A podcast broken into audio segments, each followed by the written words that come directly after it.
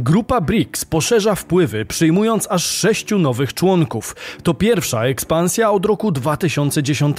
Zatem kto dołączy do BRICS i czy Zachód ma się czego obawiać? Premier zarekomenduje uzależnienie wakacji kredytowych od dochodów. Jak potoczą się dalsze losy wsparcia dla kredytobiorców? Projekt ustawy budżetowej na 2024 przyjęty. Polska zwiększy dochody, ale i znacząco powiększy deficyt budżetowy. O ile zwiększą się wpływy, a o ile dziura budżetowa. Turcja w końcu dynamicznie podnosi stopy procentowe. Czy to koniec ekscentrycznej polityki monetarnej prezydenta Erdoana? Dokąd zmierzał pieniądz w tym tygodniu? Sprawdźmy to. Bizweek. Cotygodniowy przegląd świata biznesu i finansów. Cześć, tutaj Damian Olszewski i witam Was serdecznie w programie Praktycznie o Pieniądzach i informacyjnej serii Bizweek, gdzie co tydzień otrzymujecie dawkę najważniejszych informacji ze świata biznesu i finansów. Warto subskrybować kanał, aby wiedzieć, co dzieje się w naszych portfelach. Zanim jednak przejdziemy do konkretów, pamiętajcie, aby zostawić łapkę w górę, która karmi algorytm i pozwala nam dotrzeć do szerszej widowni. Czas to pieniądz, więc Zaczynajmy. Grupa BRICS poszerza wpływy. Dołącza do niej aż sześć nowych państw. BRICS to akronim od grupy państw rozwijających się, które nie tworzą sojuszu politycznego ani formalnego stowarzyszenia handlowego, ale wspólnie pracują nad realizacją konkretnych celów. Kraje grupy BRICS dążą m.in. do stworzenia nowego systemu walutowego, zwiększenia roli państw rozwijających się w światowych instytucjach walutowych, czy też zreformowanie ONZ. Obecnie na BRICS składa się pięć państw: Brazylia, Rosja, Indie, Chiny i Republika Południowa Południowej Afryki, z angielskiego South Africa. Znaczenie krajów BRICS rośnie i stanowią one przeciwwagę do krajów Zachodu zrzeszonych w G7. Dogłębne omówienie ich wpływu na gospodarkę światową znajdziecie choćby w tym odcinku. Ich głos na arenie międzynarodowej jest coraz silniejszy, w szczególności wśród krajów słabiej rozwiniętych, które uważają BRICS za alternatywę dla rozwoju. W minionym tygodniu odbył się 15 szczyt państw BRICS, tym razem w Johannesburgu w RPA, w którym udziału na żywo nie wziął prezydent Rosji Władimir Putin. Putin był zmuszony do udziału w obradach zdalnie, ponieważ na podstawie nakazu aresztowania z 17 marca bieżącego roku, wydanego przez Międzynarodowy Trybunał Karny, jest on ścigany i podejrzewany przez prokuraturę MTK o popełnienie zbrodni wojennych. Delighted to be able to uh, greet uh, the representatives of uh, the BRICS countries, uh, the business community, and uh, experts who have come together uh, for this meeting. Co prawda, RPA już kiedyś odmówiła aresztowania prezydenta Sudanu, Omara al-Bashira, jednakże podróż Putina do RPA i tak wiązałaby się z bardzo wysokim ryzykiem. Głównym tematem tego szczytu było znaczące rozszerzenie grupy BRICS. Przedstawiciele władz RPA twierdzą, że ponad 40 krajów wyraziło zainteresowanie przyłączeniem się do BRICS, a ponad 20 gospodarek wystąpiło o to formalnie. Póki co jednak skala rozszerzenia będzie nieco mniejsza i obejmie sześć nowych członków, w tym jednego bardzo znaczącego gracza. Nowymi członkami BRICS zostanie Arabia Saudyjska, Zjednoczone Emiraty Arabskie, Iran, Egipt, Etiopia oraz Argentyna. Nowe państwa mają dołączyć do BRICS już od 1 stycznia 2024 roku. Podzielaliśmy naszą wizję BRICS jako orędownika potrzeb i obaw narodów globalnego południa. Obejmują one potrzebę korzystnego wzrostu gospodarczego, zrównoważonego rozwoju i reformy systemów wielostronnych, powiedział prezydent RPA Cyril Ramaphosa na briefingu prasowym. Wskazał również, że dodanie sześciu nowych członków to dopiero początek procesu ekspansji bloku. Jako pięć krajów BRICS osiągnęliśmy porozumienie w sprawie zasad przewodnich, standardów, kryteriów i procedur procesu ekspansji BRICS, który jest przedmiotem dyskusji od dłuższego czasu. Zatem czy takie rozszerzenie będzie korzystne dla grupy? Najprawdopodobniej tak, zwłaszcza w kontekście wpływu na ceny ropy. Nowy blok już w tej chwili będzie reprezentował około 46% światowej populacji, 29% światowego produktu krajowego brutto w ujęciu nominalnym oraz 37% światowego PKB według parytetu siły nabywczej. Ponadto nowe państwa to jedni z większych eksporterów ropy naftowej na świecie, co może mieć ogromne znaczenie w kontekście ustalania cen ropy w przyszłości. Iran, Arabia Saudyjska i Zjednoczone Emiraty Arabskie wchodzą w skład grupy OPEC, która ma znaczący wpływ na wydobycie. Wpływ grupy BRICS na ten segment może być w przyszłości jeszcze większy, bowiem Wenezuela, która posiada największe złoża ropy na świecie, także aspiruje o członkowstwo w BRICS. OPEC nations in the BRICS group would ensure control of over 83% of the proven global oil reserves. Co jednak ciekawe, to fakt, że nowe BRICS nadal będzie zdominowane przez Chiny i Indie, zarówno pod względem populacji, jak i pod względem gospodarki. Sześć nowych państw stanowi bowiem zaledwie około 10% zagregowanego PKB grupy, ponieważ tak naprawdę tylko Arabia Saudyjska jest jedyną gospodarką wartą bilion dolarów wśród nowych członków. Do tego przymierze z wiecznym bankrutem, jakim jest Argentyna, także nie wygląda na szczególne wzmocnienie. Jeśli chcecie, to mogę omówić nieszczęsne losy Argentyny Argentyny, która jest pod tym względem ewenementem na skalę światową w jednym z kolejnych odcinków. Wystarczy hashtag Argentyna pozostawiony w komentarzu. Jim O'Neill, wieloletni uznany pracownik Goldman Sachs, który stworzył koncepcję BRIC w 2001 roku, mówił niedawno, że poszerzenie grupy miałoby znaczenie gospodarcze jedynie w przypadku, gdyby dołączyła do niej Arabia Saudyjska, czyli wiodący eksporter ropy naftowej. Jim słusznie jednak podkreśla, że powiększenie BRICS wcale nie musi oznaczać lepszego działania grupy. Mieli trudności z dojściem do porozumienia tylko między piątką z nich. Tak więc poza niewątpliwie niezwykle potężną symboliką, nie jestem do końca pewien, co osiągnie znacznie większa liczba krajów, dodał Jim O'Neill. Trudno się nie zgodzić, bo wiele z wymienionych państw ma na kilku podłożach ewidentnie sprzeczne interesy, a w jeszcze większej grupie o porozumienie może być jeszcze trudniej. Pytanie więc, czy BRICS rzeczywiście ma już wypracowane odpowiednie schematy i procedury i czy taki ruch finalnie zwiększy znaczenie BRICS na arenie międzynarodowej, czy też przyczyni się do utraty wspólnego kierunku. Jak uważacie? Jednym z głównych założeń grupy pozostaje stworzenie alternatywy dla dominacji dolara w globalnym handlu. Dlatego w mediach od czasu do czasu mówi się o planach stworzenia i oparcia nowej waluty BRICS o jakieś realne, stabilne aktywo. May indeed create a convertible currency even stronger, supported by the resources of its member states. Część rynku spekuluje nawet, że liderzy wschodu mogliby w tym celu cofnąć się do parytetu złota i oprzeć konkurencyjność nowego tworu właśnie o kruszywo. Poparciem dla tej tezy mają być gigantyczne zakupy złota, dokonywane przez banki centralne Rosji i Chin w ostatnich latach. Obecne waluty są tak zwanymi walutami fiducjarnymi. To znaczy, że ich wartość nie opiera się na niczym fizycznym, tylko tylko na zaufaniu do instytucji państwa i jego polityki monetarnej. Amerykański dolar, mimo że nadal znacząco dominuje, powoli także doświadcza kryzysu zaufania wśród inwestorów.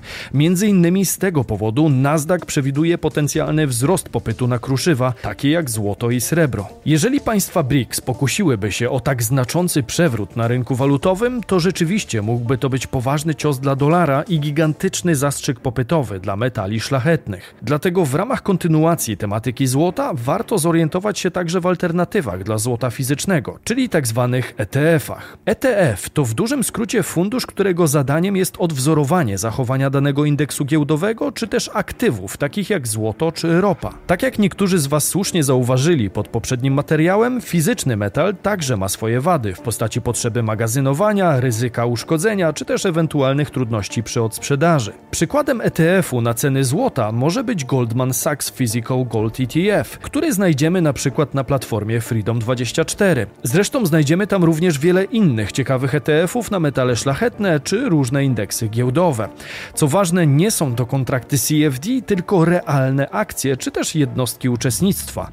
Pamiętajcie, że historyczne wyniki nie gwarantują niczego w przyszłości, a z inwestowaniem wiąże się także ryzyko. Dzięki Freedom24 możemy jednak zdywersyfikować swoje aktywa na rynki zagraniczne czy kruszce, inwestując z użyciem euro lub dolarów. Mam świadomość, że nie każdego interesują ETF-y czy akcje i niektórzy woleliby po prostu przechować obcą walutę tak, aby pracowała. W takim wypadku można skorzystać z oprocentowanego rachunku lub z długoterminowych produktów oszczędnościowych, gdzie otrzymamy od 3,8 do 6,1% w euro lub w dolarze. Nie ukrywam, że sam miałem taką potrzebę, bo wcześniej moje euro leżało na rachunku, za który płaciłem i który przynosił mi okrągłe zero zwrotu. Jeśli macie podobnie lub interesują Was inwestycje, inwestycje, to w opisie filmu umieszczam link do założenia konta i wsparcia nas w rozwoju. Pamiętajcie, że aby kwalifikować się do promocji dla bizonów, trzeba założyć je przez podany link, inaczej nie będę w stanie pomóc. Kryterium dochodowe przy wakacjach kredytowych. Wakacje kredytowe to niewątpliwie spora pomoc w spłacie kredytów hipotecznych w polskim złotym. Obowiązują na podstawie ustawy o finansowaniu społecznościowym dla przedsięwzięć gospodarczych i pomocy kredytobiorcom z dnia 29 lipca 2022 roku. W praktyce oznaczają one nawet 8 miesięcy bez spłaty rat kredytowych, czyli po dwa miesiące w trzecim i czwartym kwartale 2022 oraz po miesiącu w każdym z czterech kwartałów 2023.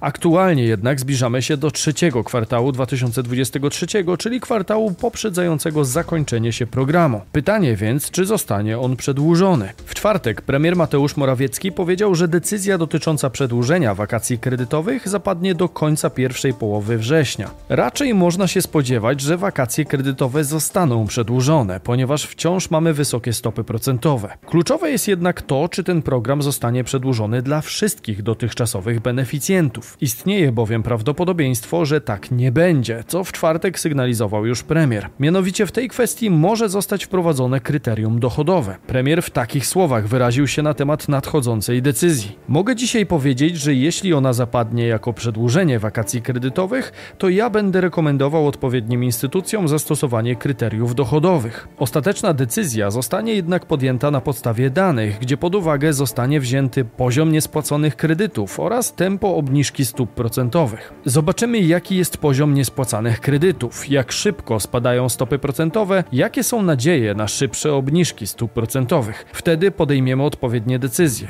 dodał premier. Choć stopy procentowe od wielu miesięcy nie drgnęły, to WIBOR, czyli wskaźnik brany pod uwagę przy wyliczaniu rat kredytowych, ostatnio spadał. Wraz z nim powinny także nieznacznie spadać raty naszych zobowiązań. Pytanie więc, czy odczuliście już obniżkę raty, czy aktualizacja oprocentowania dopiero przed Wami? Ostra podwyżka stóp procentowych w Turcji. Turcja w tym tygodniu utwierdza rynki w przekonaniu, że zmieniła swoją bardzo oryginalną politykę pieniężną i idzie teraz w klasycznym nurcie. Jeszcze nie tak dawno temu Turcy obniżali stopy procentowe przy bardzo wysokiej i stale rosnącej inflacji. Aktualnie jednak jest inaczej. Inflacja w Turcji spada, a bank centralny już trzeci raz z rzędu podnosi stopy procentowe. Tym razem w bardzo agresywny sposób, który wręcz zaskoczył rynki finansowe.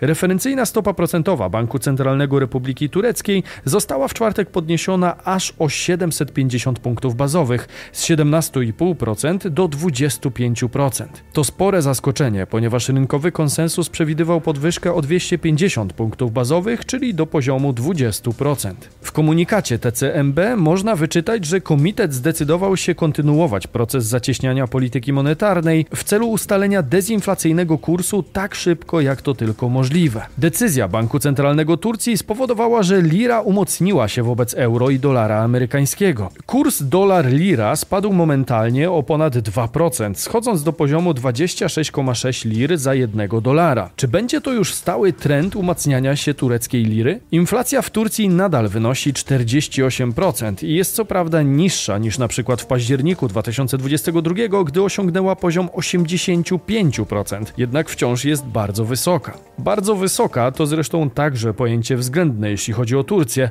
ponieważ cel inflacyjny w tym kraju wynosi 5% i ostatnio udało się go zrealizować jakieś 12 lat temu. Z punktu widzenia tureckiej sytuacji gospodarczej najważniejsze jest jednak to, że bank centralny odszedł od skrajnie niekonwencjonalnych konwencjonalnej polityki pieniężnej, która zyskała nawet własny przydomek Erdoanomics od nazwiska prezydenta Erdoana. Rząd przyjął projekt ustawy budżetowej na 2024. Ile wyniesie dziura budżetowa Polski? Rada Ministrów przyjęła w czwartek projekt ustawy budżetowej na rok 2024. Na konferencji prasowej premier Mateusz Morawiecki podkreślił trzy kluczowe aspekty nowego budżetu: ochronę granic kraju, wsparcie dla sił zbrojnych oraz programy społeczne i osłonowe. Dodatkowo mocno zaakcentował znaczenie inwestycji w służbę zdrowia, w tym w nowe miejsca pracy, podniesienie płac, modernizację sprzętu oraz renowację placówek medycznych. Pracownicy sektora publicznego, w tym osoby w służbach mundurowych, mogą spodziewać się wzrostu wzrostu płac o 12,3%. Chcemy, aby nasze służby mundurowe, strażacy, żołnierze, policjanci, Straż Graniczna oraz wszelkie inne służby, ale także cała budżetówka, były doceniane za swoją ciężką pracę, łącznie ze wszystkimi nauczycielami. Szeroko rozumiana budżetówka, mówił Mateusz Morawiecki. Warto zwrócić uwagę na szczegóły nowego projektu budżetu w konkretnych liczbach, które mają tu największe znaczenie. Na początek uwarunkowania makroekonomiczne. Nowy budżet na 2024 zakłada wzrost PKB w ujęciu realnym o 3%, wzrost inflacji w ujęciu średniorocznym o 6,6% przy założeniu braku nowych szoków podażowych na rynku żywnościowym i energetycznym, wzrost przeciętnego rocznego funduszu wynagrodzeń o 11,1% oraz wzrost spożycia prywatnego w ujęciu nominalnym o 10,2%. W roku 2023 PKB rośnie nieco wolniej. Zakładamy, że ten wzrost będzie wynosił około 0,9%, ale dynamika zacznie się poprawiać. W 2024 roku PKB przyspieszy do 3%, twierdzi minister finansów Magdalena Rzeczkowska. Według prognozy Komisji Europejskiej Polska w 2024 powinna znaleźć się w pierwszej dziesiątce krajów o najwyższej dynamice wzrostu PKB w Unii Europejskiej. Dlatego, tak jak wspominałem tydzień temu, spełnienie założeń technicznej recesji to pewnego rodzaju symbolika, ale raczej najgorsze mamy już za sobą, a od tego kwartału sytuacja powinna się systematycznie poprawiać. Co ciekawe, według ustawy wzrosną także dochody, ale i deficyt budżetowy. Mianowicie projekt zakłada, że dochody budżetu w 2024 roku wyniosą 683,6 miliarda złotych. Będą zatem wyższe o 89 miliardów złotych w stosunku do prognozy 2023 roku. Jak wskazała Rzeczkowska, wzrost ten wynika ze wzrostu dochodów z głównych kategorii podatkowych VAT, PIT, CIT oraz akcyzy. Wyższe o 6,5 miliarda złotych mają też być dochody niepodatkowe w stosunku do prognozy bieżącego roku. Na prognozowany w 2024 roku wzrost dochodów budżetu państwa w wysokości blisko 89 miliardów złotych składają się wyższe wpływy z podatku VAT o około 53 miliardy złotych, podatku akcyzowego o 4,3 miliarda złotych, podatku CIT o 5,3 miliarda złotych, podatku PIT o 19,2 miliardy złotych oraz wzrost dochodów niepodatkowych o około 6,5 miliarda złotych, głównie za sprawą planowanej w 2024 wpłaty z zysku NBP w wysokości 6 miliardów złotych. Szefowa resortu finansów poinformowała także, że rozpoczynamy proces konsolidacji finansów publicznych, a w budżecie państwa zostaną uwzględnione m.in. wydatki związane z wypłatą dodatkowych świadczeń emerytalnych. Jednak nie tylko wpływy pójdą w przyszłym roku w górę. Rząd zwiększy także znacząco deficyt budżetowy. O ile projekt przewiduje, że wydatki będą wynosić 848 miliardów złotych, co przekłada się na deficyt budżetowy w wysokości aż ponad 164 miliardów złotych. Dla szerszego kontekstu w 2023 roku po ostatnich zmianach deficyt ustalono na poziomie 92 miliardów złotych. Mówimy więc o dosypaniu sporej, blisko dwukrotnie wyższej górki długu obok tej zeszłorocznej. Jeśli chcecie, możemy podsumować dla Was pełne zadłużenie kraju wraz z tym ukrytym i planowanym przyszłorocznym zadłużeniem w jednym z kolejnych filmów. Wystarczy zostawić odpowiedni hashtag w komentarzu. Mówił Damian Olszewski, a to był Bizweek, Wasz cotygodniowy przegląd świata biznesu i finansów. Szczegóły promocji i oferty partnera odcinka znajdziecie pod linkiem w opisie. Jeśli doceniacie naszą pracę, to zostawcie koniecznie hashtag Bizweek w komentarzu i subskrybujcie kanał, aby wiedzieć dokąd zmierza pieniądz. Widzimy się jak zwykle w sobotę i niedzielę o 15. Cześć!